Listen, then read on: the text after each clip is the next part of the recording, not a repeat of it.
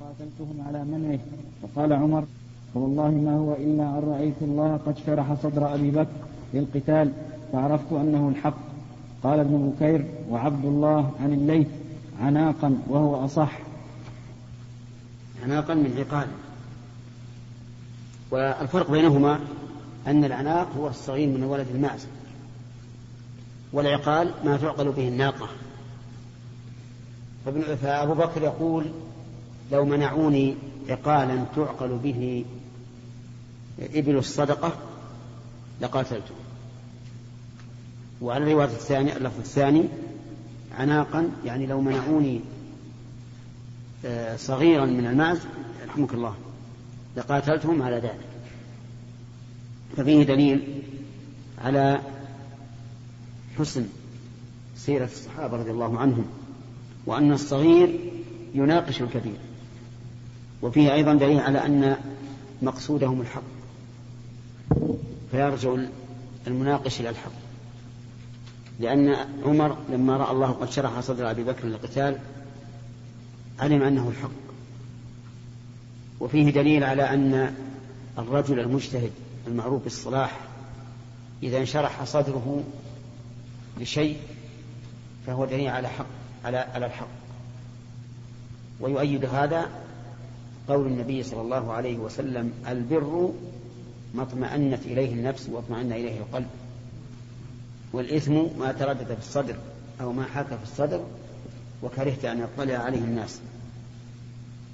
ومن فوائد هذا الحديث أيضا قوة أبي بكر رضي الله عنه في مواطن الضيق وأنها تربو على قوة عمر رضي الله عنه. ففي موت الرسول عليه الصلاة والسلام حصل من عمر ما, ما يعرفه أكثركم وجاء أبو بكر وهو أشد مصيبة من عمر برسول الله صلى الله عليه وآله وسلم جاء مطمئنا وصعد المنبر وأخبر الناس بموت الرسول عليه الصلاة والسلام وقال من كان يعبد محمدا فإن محمدا قد مات ومن كان يعبد الله فإن الله حي لا يموت. وتلا وما محمد إلا رسول قد خلت من قبله الرسل أفإن مات أو قتل انقلبتم على أعقابكم ومن ينقلب على عقبيه فلن يضر الله شيئا. فكان عمر يقول فوالله ما أن سمعتها حتى عقرت فما تقلني رجلاي. وفي جيش أسامة الذي نفذه الرسول عليه الصلاة والسلام وتوفي وهو في ظاهر المدينة أمر أبو بكر رضي الله عنه أن يستمر الجيش. فجادله في ذلك عمر. فقال والله لا أكلن راية عقدها رسول الله صلى الله عليه وآله وسلم. فنفذ الجيش وصارت العاقبة حميدة. لأن الذين ارتدوا من العرب قالوا لولا أن عند هؤلاء القوم قوة ما بعثوا جيشا يقاتل الروم فاستسلموا. وهذه المسألة الثالثة أيضا. في قتال أهل الردة. فإن عمر توقف حتى آه، بين له أبو بكر رضي الله عنه بهذا الحزم. قال لو منعوني عناقا أو عقالا يؤدونه إلى رسول الله صلى الله عليه وسلم لقاتلتهم على ذلك. وفي هذا الحديث دليل على فائدة عظيمة وهي أن مانع الزكاة يقاتلون عليها. ولا يقتلون يقاتلون عليها حتى يؤدوها. ودماؤهم حرام. لكن يقاتلون من أجل القيام بالواجب. كما نقول بأنه يقاتل من ترك الأذان ولا يقتل. كما نقول يقاتل تقاتل الفئة الباغية ولا تقتل. فباب القتال أوسع من باب من باب القتل. حدثنا إسماعيل قال حدثني ابن الله عن يونس عن ابن شهاب قال حدثني عبيد الله بن عبد الله بن عتبة أن عبد الله بن عباس رضي الله عنهما قال قدم عيينة بن حسن بن حذيفة بن بدر فنزل على ابن أخيه الحر بن قيس بن حفص وكان من النفر الذين يديهم عمر وكان القراء وأصحاب مجلس عمر ومشاورته فهو كانوا شبانا فقال عيينة بن أخيه يا ابن أخي هل لك وجه عند هذا الأمير وتستأذنني عليه. قال سأستأذنك عليه. قال ابن عباس فاستأذن بعيينة ولما دخل قال يا ابن الخطاب والله ما تعطينا الجزم وما تحكم بيننا بالعدل. فغضب عمر حتى هم بأن يقع به. فقال الحر يا أمير المؤمنين إن الله تعالى قال لنبيه صلى الله عليه وسلم خذ العفو وأمر بالعدل وأعرض عن الجاهلين وإن هذا من الجاهلين فوالله ما جوزها عمر حين تلاها عليه وكان وقافا عند كتاب الله. رحمه الله رضي الله عنه. الشاهد من هذا أن عمر اعتصم بكتاب الله. اعتصم بكتاب الله ولم يتجاوزه. وهذا واجب على كل مؤمن. وما كان لمؤمن ولا مؤمنة إذا قضى الله ورسوله أمرا أن يكون لهم الخيرة من أمرهم. وإلا فهذه كلمات عظيمة كبيرة في حق المؤمنين. ما تعطينا الجزل وما تحكم بيننا بالعدل أما الأولى ما تعطينا الجزل فهذا أعرابي لا يشبع. لو أعطي الدنيا كلها فهي عنده يسيرة. وعمر لا يعطي الجزل. عمر يعطي ما فيه مصلحة الخلق لأنه أمين على بيت المال. أما قوله وما تحكم بيننا بالعدل فقد كذب. فإن عمر مضرب المثل في العدل وهو من أعدل الخلفاء رضي الله عنه ولهذا هم به حين غضب هم بأن يقع به. ولكن أخو, أخو ولكن أخاه كان ذكيا. حليما فقال هذا الكلام إن الله قال لنبيه خذ العفو وأمر بالعرف وأعرض عن الجاهلين. العفو يعني ما عفا وتيسر من الناس. ولا تطلب حقك كله فإن ذلك لا يمكن من بني آدم. وإنما تأخذ العفو أي ما عفا وهان وتيسر. وأمر بالعرف أي بما يعرف من الشرع وبما يعرف من من العادة والمروءة. وأعرض عن الجاهلين لأن لأنه سوف يجهل عليك ما يجهل إذا أمرت بالعرف. ما من آمن بالمعروف إلا واجد أذى. وإن هذا من الجاهلين. لما تلاها عليه ما جاوزه. ولا ضربه. ولا قال له شيئا. وقف. وكان وقافا عند كتاب الله رضي الله عنه. نعم كتاب أحمد نعم خلاص؟ إيه. نعم.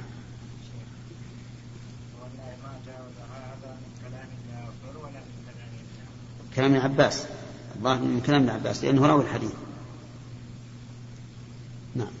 حدثنا عبد الله بن مسلمة عن مالك عن هشام بن عروة عن فاطمة بنت المنذر عن أسماء ابنة أبي بكر رضي الله عنهما أنها قالت أتيت عائشة حين خسفت الشمس والناس قيام وهي قائمة تصلي. فقلت ما للناس؟ فأشارت بيدها نحو السماء فقالت سبحان الله. فقلت آية؟ قالت برأسها النعم. فلما انصرف رسول الله صلى الله عليه وسلم حمد الله وأثنى عليه. ثم قال ما من شيء لم أره إلا وقد رأيته في مقامي هذا حتى الجنة والنار. وأوحي إلي أنكم تفتنون في القبور. قريبا من فتنة الدجال فأما المؤمن أو المسلم لا أدري أي ذلك قالت أسماء فيقول محمد جاءنا بالبينات فأجبناه وآمنا فيقال نم صالحا علمنا أنك موقن وأما المنافق أو المرتاب لا أدري أي ذلك قالت أسماء فيقول لا أدري سمعت الناس يقولون شيئا فقلته. نعم الشاهد من هذا قوله جاءنا بالبينات فأجبنا وآمنا. وهذا هو الاعتصام بالسنة. وآثر عمر من الاعتصام بإيش؟ بالكتاب. وفي هذا الحديث من الفقه جواز الإشارة. جواز الإشارة في جواب من طلب أو من استفهم عن شيء. وفيه تسبيح المرأة. فقال سبحان الله. ولا يخالف هذا قول النبي عليه الصلاة والسلام إذا نابكم شيء فلتسبح الرجال فليسبح الرجال وتصفق النساء لأن المراد بذلك النساء مع الرجال. إذا ناب إذا نابهم شيء.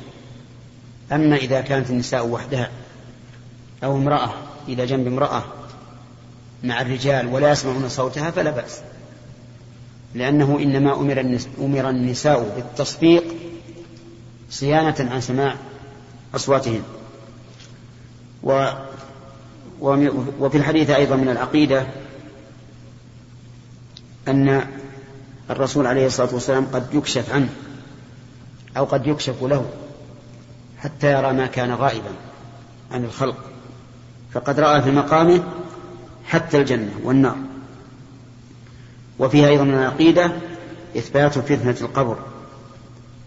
وأنها قريبا من فتنة الدجال لعظمها فإن الإنسان ليس عنده كتاب في القبر يرجع إليه إذا سئل عن ربه ودينه ونبيه فإن كان من المؤمنين أجاب بالصواب وإن كان من المرتابين أو المنافقين قال لا أدري. سمعت الناس يقولون شيئا فقلته ولكن الإيمان لم يصل إلى قلبه والعياذ بالله. نعم. نعم. محمد. الله سبحانه وتعالى بها محتج قال ان النبي الغيب كما الصوفيه نقول ان هذه من الان لأن الله سبحانه وتعالى قد اخبر فلا يدخل فليس فيها نقول من قال إن محمدا يعلم الغيب فهو صادق كاذب. إن أراد أنه يعلم الغيب بذاته بدون وحي من الله فهو كاذب. لأن الله قال له قل لا أقول لكم عندي خزائن الله ولا أعلم الغيب. وإن أراد أنه يعلم الغيب بما أخبره الله فهو صادق. لقوله تعالى عالم الغيب فلا يظهر على غيبه أحدا إلا من نفر من رسول. وهؤلاء الصوفية يرون أنه يعلم الغيب بذاته لا بالوحي حتى أنه يعلم الغي... يعلم عندهم يعلم ما يقع في الأرض مثلا بعد موته. وهذا لا لا يمكن. غضب عمره حتى هم بأن يقع. نعم. والله عز وجل يقول عقلكم هذا أمر يريد أن يقع بالرجل والرجل أداء في القول. وعمر يريد أن يزيد الفعل وعمر من؟ هو؟ سلطان ولا غير سلطان؟ طيب ويريد أن يؤدبه باجترائه على السلطان. يعني هذا خاص بالسلطان. اي نعم. اجتراء على السلطان لأن الجرأة على السلطان ضرر عظيم في المجتمع. إذا تجرأ الناس عن السلطان بقي لا قيمة له وإذا لم يكن له قيمة لم يمتثل أمره ولم به غير السلطان لا يحل أبدا السلطان ما يعتدي أحد إلا بمثل ما اعتدى لكن هو أراد تأديبه. ويظهر لي ويظهر لي أيضا أنا أن عمر إنما غضب من أجل هذا. لا انتقاما لنفسه على وجه الخصوص ولكن لأنه اعتدى على السلطان. نعم. الذين يقولون أن النبي صلى الله عليه وسلم يعلم يعلم الغيب. الذي يرد عليهم بأن الرسول لا يعلم الغيب إذا لا ينبغي هذا الكلام. ما ينبغي أن يقول ان الرسول لا يعلم الغيب. نعم. نعم. اي نعم. إيه نقول لا يعلم الغيب بذاته. أما عن سبيل عن طريق الوحي فهو, يعلم ما وحي إليه. نعم. حدثنا إسماعيل قال حدثني مالك عن أبي الزناد عن الأعرج عن أبي هريرة عن النبي صلى الله عليه وسلم أنه قال دعوني ما تركتكم فإنما أهلك من كان قبلكم سؤالهم واختلافهم على أنبيائهم فإذا نهيتكم عن شيء فاجتنبوه وإذا أمرتكم بشيء فأتوا منه ما استطعتم. عندنا بأمر شيء عندك؟ عندنا بأمر. شوف فيها رواية.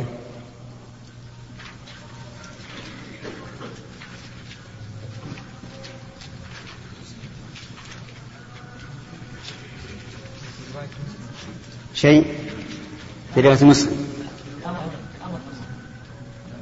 في رواية مسلم بأمر.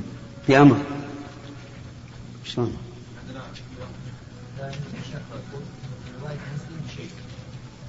اللي عندنا الآن بأمر. على كل حال المراد بالأمر أو بالشيء معناه واحد لكن بس الكلام على اللفظ. في هذا الحديث دليل على أنه في عهد الرسول عليه الصلاة والسلام لا ينبغي السؤال. لا تسألوا عن أشياء تبدأ لكم تسؤكم يعتصم الإنسان بما جاء. وهنا فرق عليه الصلاة والسلام بين النهي والأمر. النهي قال اجتنبوه. والأمر قال ائتوا منه ما استطعتم. لأن النهي يجتنب كله. ولا يفعل الإنسان ولا بعضه. والأمر يفعل ما يقدر عليه منه. فهذا هو الفرق. فإذا قيل لا تفعل كذا لا لا يجوز لك أن تفعل بعضه. فتقول والله أنا ما فعلت الكل أنا فعلت البعض. يقول هذا لا يجوز. إذا قيل افعل كذا ففعل البعض بقدر استطاعته فإنه يكون برئت ذمته.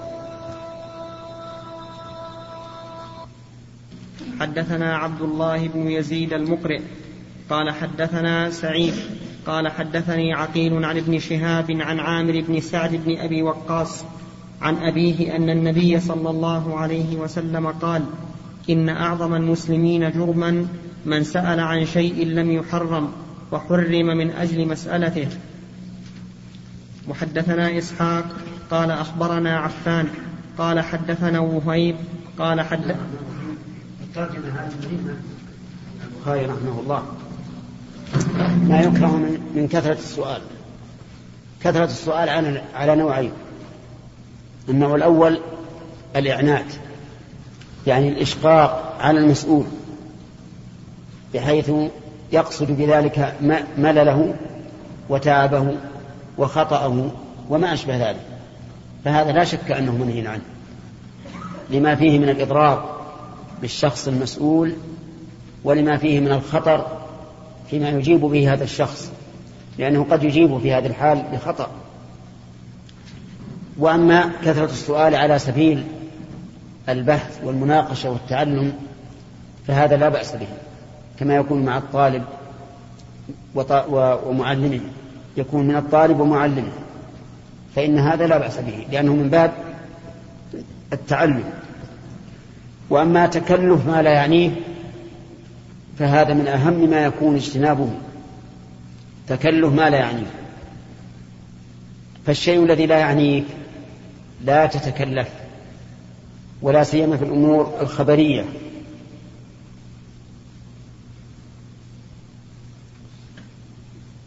لا سيما في الأمور الخبرية التي تتعلق بذات الله تعالى وأسمائه وصفاته.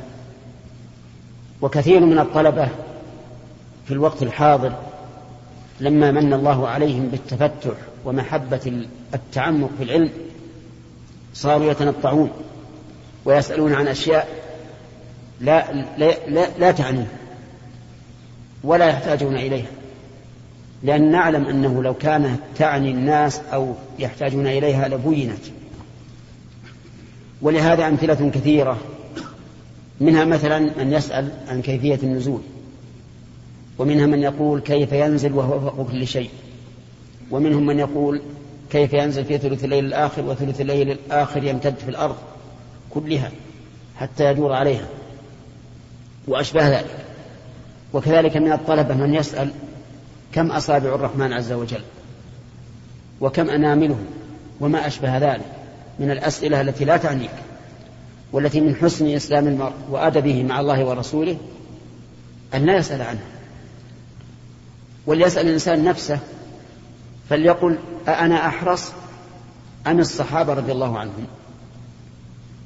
سيجيب نفسه بأن الصحابة أحرص. أحرص على العلم بالله وأسمائه وصفاته منك وهم أحب للخير منك. ولم يسألوا النبي عليه الصلاة والسلام عن شيء. وانظر إلى أدبهم لما حدثهم أن الدجال يبقى أربعين يوما اليوم الأول كسنة. ما سألوا كيف تكون كيف يكون اليوم الأول سنة؟ والمعروف أن دوران الشمس يكون في أربع وعشرين ساعة. ما سألوا لماذا وكيف ذلك؟ إنما سألوا عن الشيء الذي يهمهم وهو الصلاة. فقالوا كيف صلاتنا في ذلك؟ فإذا عرفت الأدب مع الله ورسوله في مثل هذه الأمور فإنك لا تتكلم.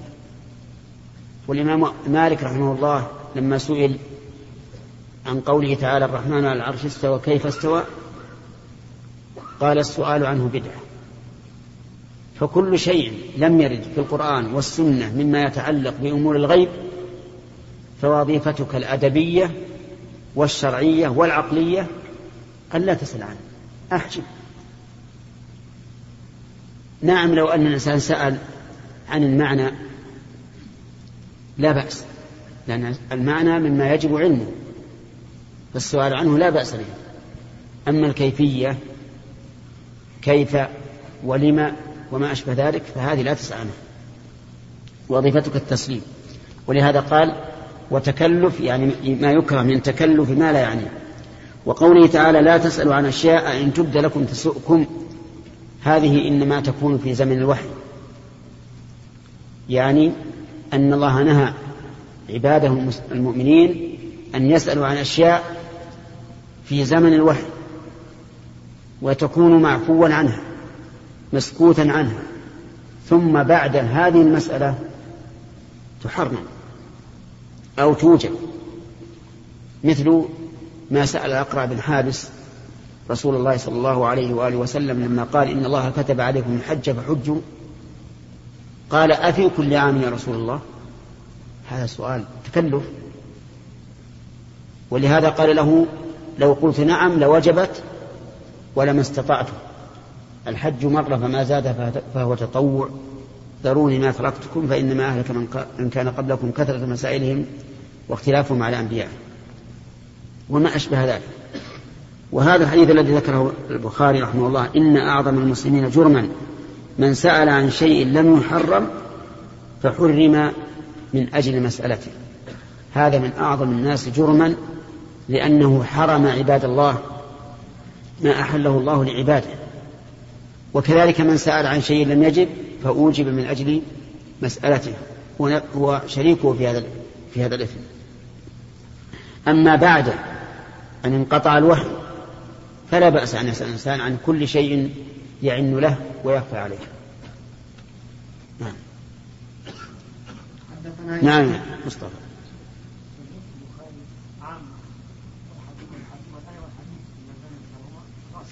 اللي هي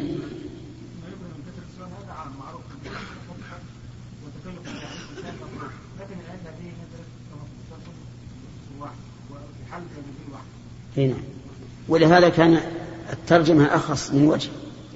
وأعم لأن الترجمة في الكثرة لا في مطلق السؤال. والآية في مطلق السؤال. فمطلق السؤال إنما ينهى عنه في زمن التشريع أما كثرة السؤال ففي كل وقت ما لم يكن على وجه التعلم كما ذكرنا. بارك الله فيكم بعض الناس عنده شكوك كثيرة. فعندما تجد الأدلة مثل ما ذكرتم بالنزول ما أشبه ذلك يبدأ يضطرب ويقع وبين الشيطان يعني شكوك عظيمة. نعم. ومن وظيفة هذا الرجل هل يسأل عن كل شيء؟ أن يمتنع السؤال؟ وإذا امتنع قال كيف أمتنع وأنا يعني في رأسي أسئلة؟ ما لا خ... نقول هذه اللي في رأسك لا ترد عليك. قل آمنت بالله ورسوله آمنت بأن الله ينزل السماء الدنيا حين يبقى ثلث الليل الآخر وأنه في غير هذا الوقت لا نزول. فقط. وما وراء ذلك لا تكلف فيه. حتى تستريح تسلم. في قلبه شكوك هل يشك لا إن, إن ركن إليها يؤاخذ. إن, إن ركن إليها يؤاخذ وإن طردها وحاول التخلص منها لم لم يؤاخذ.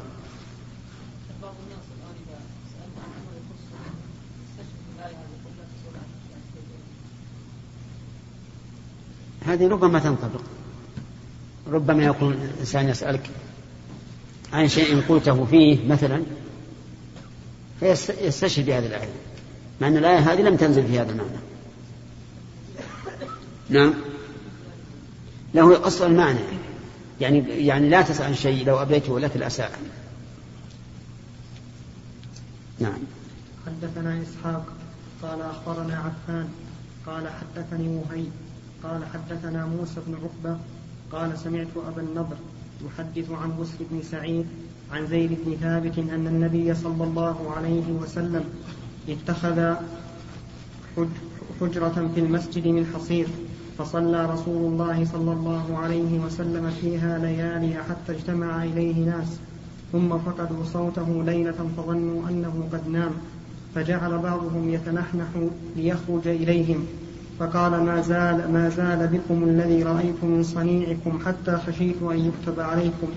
ولو كتب عليكم ما قمتم به فصلوا أيها الناس في بيوتكم فإن أفضل صلاة المرء في بيته إلا الصلاة المكتوبة.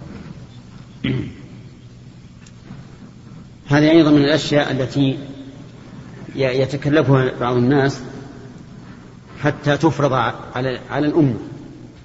فإن النبي صلى الله عليه وسلم صلى في حجرة من حصير فعلم به الناس.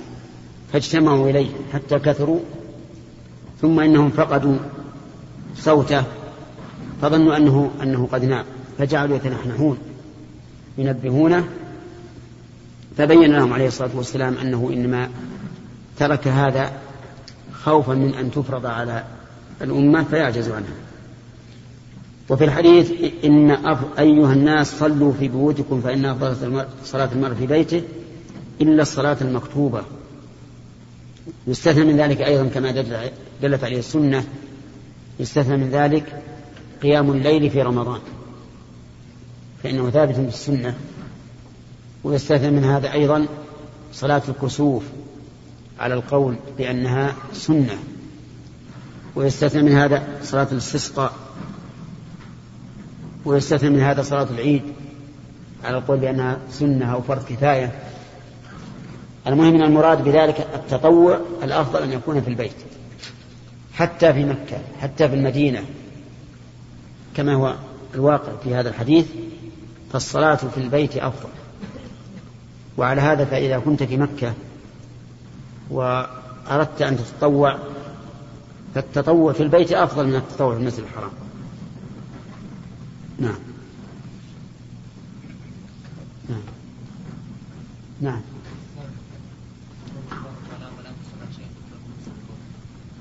كيف؟ نعم إيش؟ مراه ليش بالأول ما ما ها؟ أقول بالأول ما اختلف نعم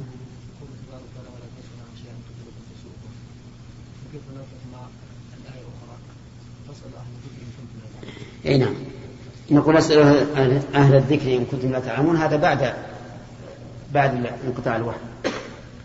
وحتى أيضا ما ما ما احتاج الناس إليه يسألون حتى بعد الرسول. في القرآن 12 سؤال موجه من الصحابة للرسول. يسألونك ماذا أحل لهم يسألونك ماذا ينفقون يسألونك عن اليتامى ويسالونك محيط أشياء كثيرة. لكن لما كثرت الأسئلة نهوا عن ذلك نعم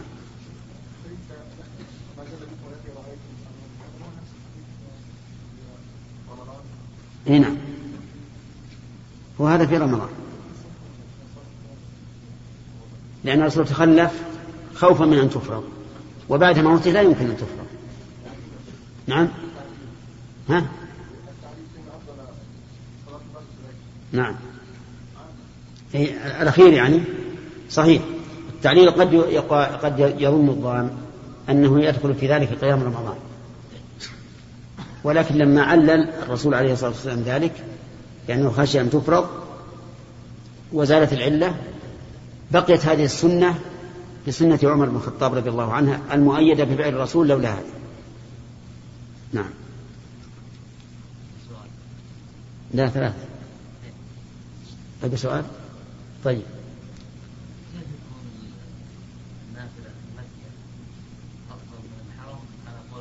في البيت.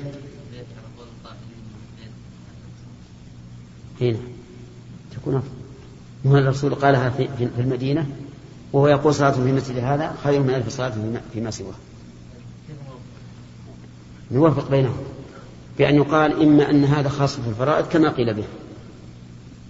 أن, أن ما يشرع في المساجد في المسجد فهو في المسجدين أو في المساجد الثلاثة أفضل. ولكن هذا قول فيه نظر بل نقول ما فعل في المسجد مما يكون في المسجد كتحية المسجد مثلا. تحية المسجد. تكون أفضل من ألف تحية فيما سوى المسجد النبوي إلا المسجد الحرام. كذلك أيضا لو جلس إنسان ينتظر الصلاة وصلى هذا نفل مطلق. فإن هذه الصلاة أفضل من مئة ألف صلاة فيما سواه وهكذا. أما أن تقصد أن تذهب من بيتك إلى المسجد لأجل هذا الفضل فلا. الراتب في البيت أفضل. حتى الراتب في البيت أفضل. نعم. يتضاعف. يعني لو لو صليت فهي أضعف لكن الأجر الكمية قد تكون أدنى من الكيفية بكثير. يعني الفرق أن الأجر عظيم جدا في البيت أعظم من مئة ألف صلاة أو أعظم من ألف صلاة في المسجد النبوي ما فهمت يا شيخ نعم. ما فهمت التعليق. الأخير؟ يعني يعني مثلا إذا صل... إذا صليت في بيتك فهو أفضل مما لو... مما لو صليت في المسجد النبوي. كذا ولا لا؟ مع أن صلاة المسجد النبوي خير من ألف صلاة مما سواه. وهذا التضعيف الأخير بالكمية لكن في البيت يكون بالكيفية. ومعلوم أنك لو جمعت مئة نواة وأتيت بحجر كبير صار الحجر أعظم منها. فالصلاة في البيت من حيث الكيفية أفضل من الصلاة وإن زادت الكمية في المسجد النبوي. هذا وجهه إلا مسجد. يعني ما, ما يشرع فعله في المسجد معروف. في المساجد الثلاثة أفضل من البيت وأفضل من المساجد الأخرى. وما لا يشرع ففي البيت أفضل. نعم. كيف؟ المسافر أيضا أولا أنه لا يشرع له فعل رواتب الظهر والمغرب والعشاء كما هو معروف وراتبة الفجر في البيت أفضل لأن الحديث عام. حدثنا يوسف بن موسى قال حدثنا أبو أسامة عن. تعبان؟ أنت تعبان؟ الله شوي. أجل خلنا غير شيخ. ما بقى ها؟ أقول ما بقى لها الحديث هذا. أزف تركه حدثنا أبو أسامة عن بريد بن أبي بردة عن أبي بردة عن أبي موسى الأشعري قال سئل رسول الله صلى الله عليه وسلم عن أشياء كرهها فلما أكثروا عليه المسألة غضب وقال سلوني. فقام رجل فقال يا رسول الله من أبي؟ فقال أبوك حذافة. ثم قام آخر فقال يا رسول الله من أبي؟ فقال أبوك سالم مولى شيبة فلما رأى عمر ما بوجه رسول الله صلى الله عليه وسلم من الغضب قال إنا نتوب إلى الله عز وجل. هذا شاهد من الباب أن الرسول عليه الصلاة والسلام لما أكثروا عليه المسألة غضب وقال سلوني تحديا لهم فجعلوا يسألون هذا هذا السؤال من أبي من أبي؟ مع أنه لا فائدة منه. لكن كأن السائلين كأنه قد قيل فيهم ما قيل من الاشتباه بأنهم ينسبون إلى آبائهم أو لا. فأرادوا أن يأخذوا من النبي صلى الله عليه وسلم إثباتا بأن, أبو بأن أباهم فلان وأباهم فلان. ولكن عمر رضي الله عنه لما رأى ما بوجه النبي صلى الله عليه وسلم من الغضب قال إنا نتوب إلى الله عز وجل. يعني نرجع إليه مما أغضب رسوله صلى الله عليه وآله وسلم. نعم. قال البخاري رحمه الله تعالى في باب ما يكره من كثرة السؤال ومن تخلف ما لا يعنيه. حدثنا موسى قال حدثنا أبو عوانة قال حدثنا عبد الملك بن مروان كاتب المغيرة قال كتب معاوية إلى المغيرة اكتب لي ما سمعت من رسول الله صلى الله عليه وسلم. فكتب إليه إن نبي الله صلى الله عليه وسلم كان يقول في دبر في دبر كل صلاة لا إله إلا الله وحده لا شريك له له الملك وله الحمد وهو على كل شيء قدير. اللهم لا مانع لما أعطيت ولا معطي لما منعت ولا ينفع ذا الجد منك الجد. وكتب إليه أنه كان ينهى عن قيل وقال وكثرة السؤال وإضاعة المال. وكان ينهى عن عقوق الأمهات ووأد البنات ومنع ومنع ومنع وهات بسم الله الرحمن الرحيم. هذا الحديث كما رأيتم كتب معاوية بن المغيرة رضي الله عنهما جميعا. يسأله عما سمع من رسول الله صلى الله عليه وآله وسلم لأن الخلفاء في صدر هذه الأمة خلفاء علماء خلفاء وعلماء يحرصون على العلم وعلى الحديث فكتب إليه يسأله ماذا سمع من رسول الله صلى الله عليه وآله وسلم فكتب إليه المغيرة إلى آخره. ففي هذا دليل على تداول الحديث بواسطة الكتابة. وهذا أمر كان فيه خلاف في أول في صدر هذه الأمة فإنهم كرهوا أن يكتب الحديث خوفا من أن يلحق بالقرآن. لكنه بعد ذلك اتفق العلماء على جواز كتابة الحديث وعلى جواز كتابة الأحكام المستنبطة من الأحاديث في المصنفات الفقهية وغيرها. كتب علي يقول إن النبي صلى الله عليه وسلم كان يقول في دبر كل صلاة لا إله إلا الله. المراد بدبر الصلاة هنا ما بعد السلام لأنه يقع في مستدبرا لها. وأما قوله في حديث معاذ لا تجعلن أن تقول دبر كل صلاة فالصحيح أن المراد به آخر الصلاة.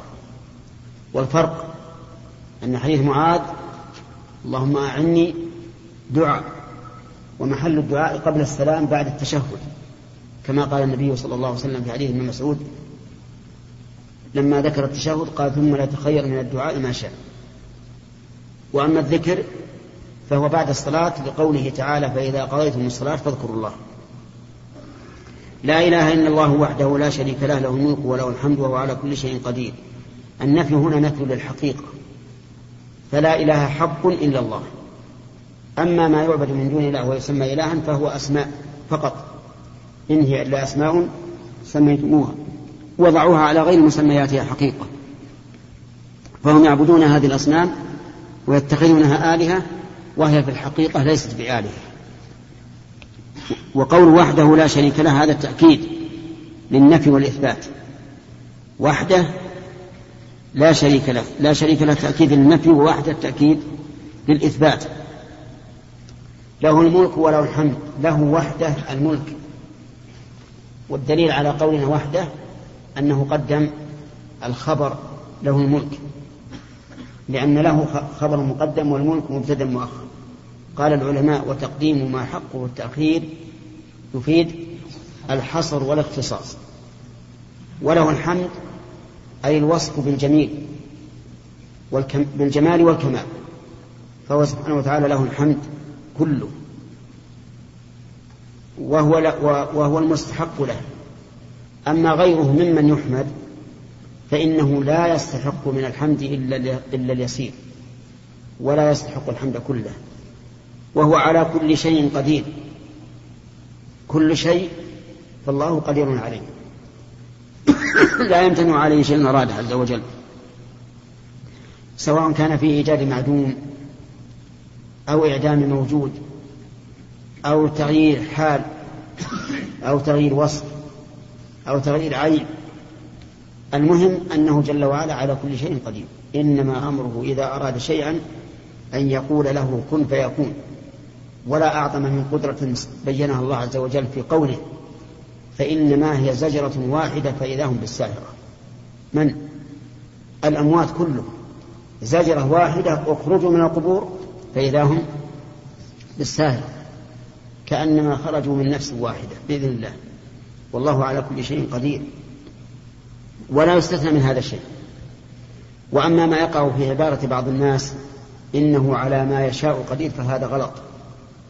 لأنه تخصيص لما, لما عممه الله. وتقييد له فهو قدير على ما يشاء وما لا يشاء. ثم إن هذه العبارة على ما يشاء قدير ربما توهم أنه لا يقدر على أفعال العباد لأن أفعال العباد عند المعتزلة ليست داخلة بمشيئة الله وعلى هذا فلا يكون قادرا عليها. ولذلك ينبغي تجنب هذه العبارة. إنه على ما يشاء قدير وأن نقول كما قال الله عن نفسه إنه على كل شيء قدير. وأما ما ورد في آخر في في حديث آخر أهل الجنة دخولا وأن الله يقول إني على ما أشاء قادر فلا يعني هذا الوصف المطلق. لكنه لما حصل لهذا الرجل ما حصل من الوصول إلى هذه الدرجات العلى بين الله تعالى أن هذا بمشيئته وأن ما شاءه فهو قادر عليه. فهو كقوله تعالى وهو على جمعهم إذا يشاء قدير. أي إذا شاء قد جمعهم فليس بعاجز عنه. ففرق بين القدرة المقيدة بشيء معين فهذه إذا قيدت بالمشيئة فلا بأس ليتبين أن هذا الشيء المعين شاءه الله وما شاءه فهو قادر عليه. أما إذا ذكرت القدرة على أنه وصف مطلق لله فلا تقيد بالمشيئة. ولهذا جاء إنه على كل شيء قدير كما جاء في القرآن وكان الله على كل شيء قديرا وما أشبهه. اللهم لا مانع لما أعطيت ولا معطي لما منعت. في هذا تمام التفويض إلى الله عز وجل. فما أعطاه الله لا يمكن لأحد أن يمنعه. أي ما قدر أن يعطيه أحدا فإنه لا يمكن أن, أن, أن أحدا يمنعه أبدا. لو اجتمع أهل الأرض على أن يضروك بشيء لم يضروك بشيء قد كتبه الله عليك. كذلك لا معطي لما منعت. ما قدر الله منعه فلن يستطيع أحد أن يعطيه مهما كان. إذا ففي هاتين الجملتين كمال إيش؟ التفويض إلى الله عز وجل والاعتماد عليه وصدق التوكل عليه عز, عز وجل. ولا ينفع ذا الجد منك الجد. الجد يعني الحظ والغنى. فصاحب الجد لا ينفعه من الله جده والنفع ونفع هنا بمعنى منع بمعنى منع ولذلك عديت بمن. فالمعنى لا لا يمنع صاحب الجد جده منك مهما عظم حظه وسلطانه وقوته فإنه لا يمنعه من الله شيء. وكتب إليه أنه كان ينهى عن قيل وقال. الله أكبر ما أعظم هذه العبارة. قيل وقال ديدن كثير من الناس اليوم ومع الأسف أنها توجد في طلبة, في طلبة العلم. قيل في فلان كذا قال فلان في فلان كذا فيضيعون أوقاتهم في غير فائدة ويحملون قلوبهم من الضغائن والأحقاد ما لا ينبغي أن يكون من طالب العلم. فضلا عن العامة. بل ما, ما, ما لا ينبغي أن يكون من العامة فضلا عن طالب العلم. ولهذا ينبغي لك أن تعرض. إذا رأيت الناس مشتغلين. بقيل وقال أعرض عن هذا. لأن النبي صلى الله عليه وسلم ينهاك عنها عنه. ولا يسلم من اتبع قيل وقال لا يسلم من الإثم غالبا. لأنه إما أن ينقل كذبا أو ينقل تهمة أو يحمل غائم. أو ما أشبه ذلك. فتجنب قيل وقال واجعل قولك مبنيا على قول الرسول عليه الصلاة والسلام من كان يؤمن بالله واليوم الآخر فليقل خيرا أو ليصمت. لو أننا سكتنا لو أننا سلكنا هذا المسلك لسلمنا من من مآثم كثيرة. ولهذا قال النبي عليه الصلاة والسلام لمعاذ بن جبل أفلا أخبرك بملاك ذلك كله لما عدت عليه ما عدت من شرائع الإسلام قال أفلا أخبرك بملاك ذلك كله؟ قلت بلى يا رسول الله. فأخذ بلسانه قال كف عليك هذا. كف لا يطلع قال يا رسول الله وإنا لمؤاخذون بما, بما نتكلم به. قال ثكلتك أمك يا معاذ. وهل يكب الناس في النار على وجوههم أو قال على مناخرهم إلا حصائد ألسنتهم؟ نسأل الله لنا ولكم السلامة. كان ينهى عن قيل وقال. وكثرة السؤال. كثرة السؤال هل المراد سؤال العلم أو السؤال عن أحوال الناس أو سؤال المال؟ كل ذلك محتمل. فكثرة السؤال العلم رحمك الله قد تفضي إلى الإعنات والإشقاق على المسؤول كما هو مشاهد. يجي إنسان ويسألك عشرين مسألة. عشرين مسألة في آن واحد. وإياك أن تعتذر. إن اعتذرت قال هذا كاتم من العلم. إن الذين يكتمون ما أنزل الله ما أنزلنا من البينات والهدى من بعد ما بيناه للناس في الكتاب. أولئك يلعنهم الله ويلعنهم الله. يعطيك اللعنة وينصرك وهذا غلط. قدر نفسك أنك في هذا الموضع يجي مثل عشرة يسألونك أو خمسة عشر أو أكثر أو أقل. الإنسان بشر. لا بد أن يسأل. لا سيما إن شعر ولا ينبغي أن يشعر لكن قد يشعر. لا سيما إن شعر بأن الإنسان قصد بذلك الاعتراض أو الإشقاق والإعنات فإنه يضيق صدره ولا يتحمل السؤال. هذا كثرة سؤال العلم. كثرة السؤال السؤال عن أحوال الناس. بعض الناس مبتلى والعياذ بالله. بل كل ما جلس عند عند انسان قال وش صار اليوم؟ فلان وش صار عليه؟ يا رجل اترك ما, لا يعنيك. من حسن إسلام المرء تركه ما لا يعنيك. ما, ما دام هذا أمر لا يعنيك لا في دينك ولا دنياك اتركه. فإن هذا من حسن اسلامك كثرة سؤال المال أشد. لأن سؤال المال محرم إلا للحاجة والضرورة وإذا كان محرما على وجه الإطلاق فهو محرم من على وجه الكثرة. اقلب الشريط. من باب أولى طيب فإذا قال قائل إذا كان الإنسان مسؤولا عن